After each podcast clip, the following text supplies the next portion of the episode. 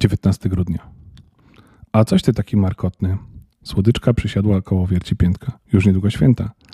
Tak, wiem, wymamrotał elf. Udało się załatwić sprawę z szaliczkiem? Wszystko jest na dobrej drodze, zapełnił pośpiesznie wierci piętek.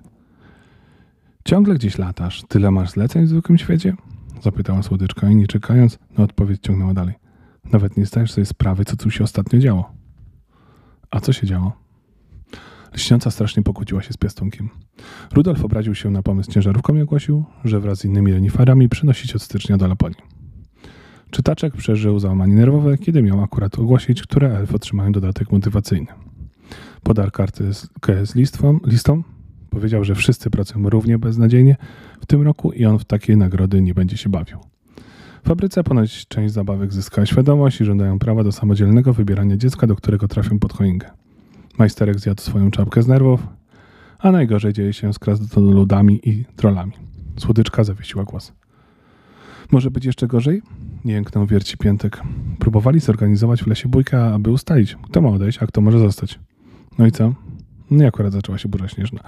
Pogubili się w zamieci i do tej pory nie mogą znaleźć jednego krasnoluda, ani tej nowej lalki Adelaidy. Wszyscy ich szukają już drugi dzień. O nie, przecież jest naprawdę zimno. Nie ma ich dwa dni? Przecież mogą zamarznąć. Albo może ich zjeść lis. Albo porwać wrona. No przecież wiem. Wszyscy odchodzą od zmysłów. Trzy czwarte elfów rzuciło pracę w czytelni i fabryce i przeczesują las. Ja też rzuciłem tylko po termos ciepłej herbaty i będę dalej szukać. Powiem ci, że nie mogę już patrzeć na Mruka i Maciejkę. Są w okropnym stanie. Nadal się tak kłócą? Co za oparciuchy. Niezupełnie. Chyba nie mają już siły się kłócić. Adelaido!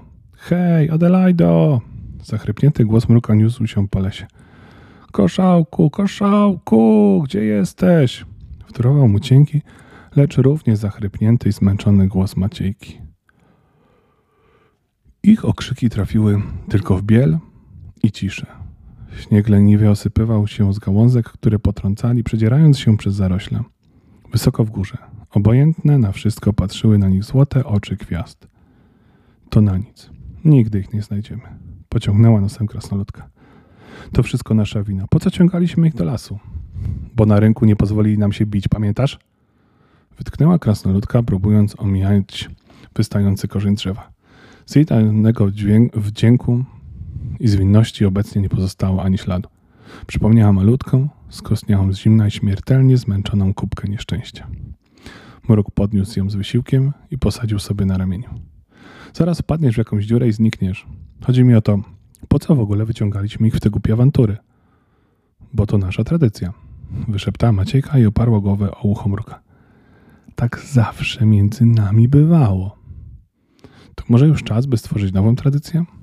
Po co się trzymać stary, jeśli nie jest zbyt dobra? Bo to tradycja. Powiedziała Maciejka i, się ziewnęła. To jak coś, to się po prostu robi. Może już czas. Zaczął mruk, ale nie dokończył, bo się potknął. Usiadł ciężko na śniegu, przytrzymując ręką Maciejkę, aby nie spadła. Nie mam już siły, powiedział cicho. Wiem, że muszę ich szukać, póki jeszcze jest jakaś szansa, ale no nie daję rady. Ja też nie, wyznała cicho Maciejka i ziewnęła. Zwinęła się w kulkę i wtuliła futro trola. Może zdrzemnijmy się tutaj troszeczkę tak na chwilę, a potem będziemy szukać dalej, szepnęła. Mruk nie odpowiedział. Spał już, kompletnie wyczerpany, oparty plecami o wątłą sosnę. Maciejka zwinęła się w kłębuszek na jego kolanach i zachrapała. Zaczął padać śnieg. Przykrywał ich miękkim, białym puchem niczym kołderką. Las piął się do góry wokół nich, ciemny i cichy. Z wysoka, z dala wszystko obserwowały złote oczy gwiazd.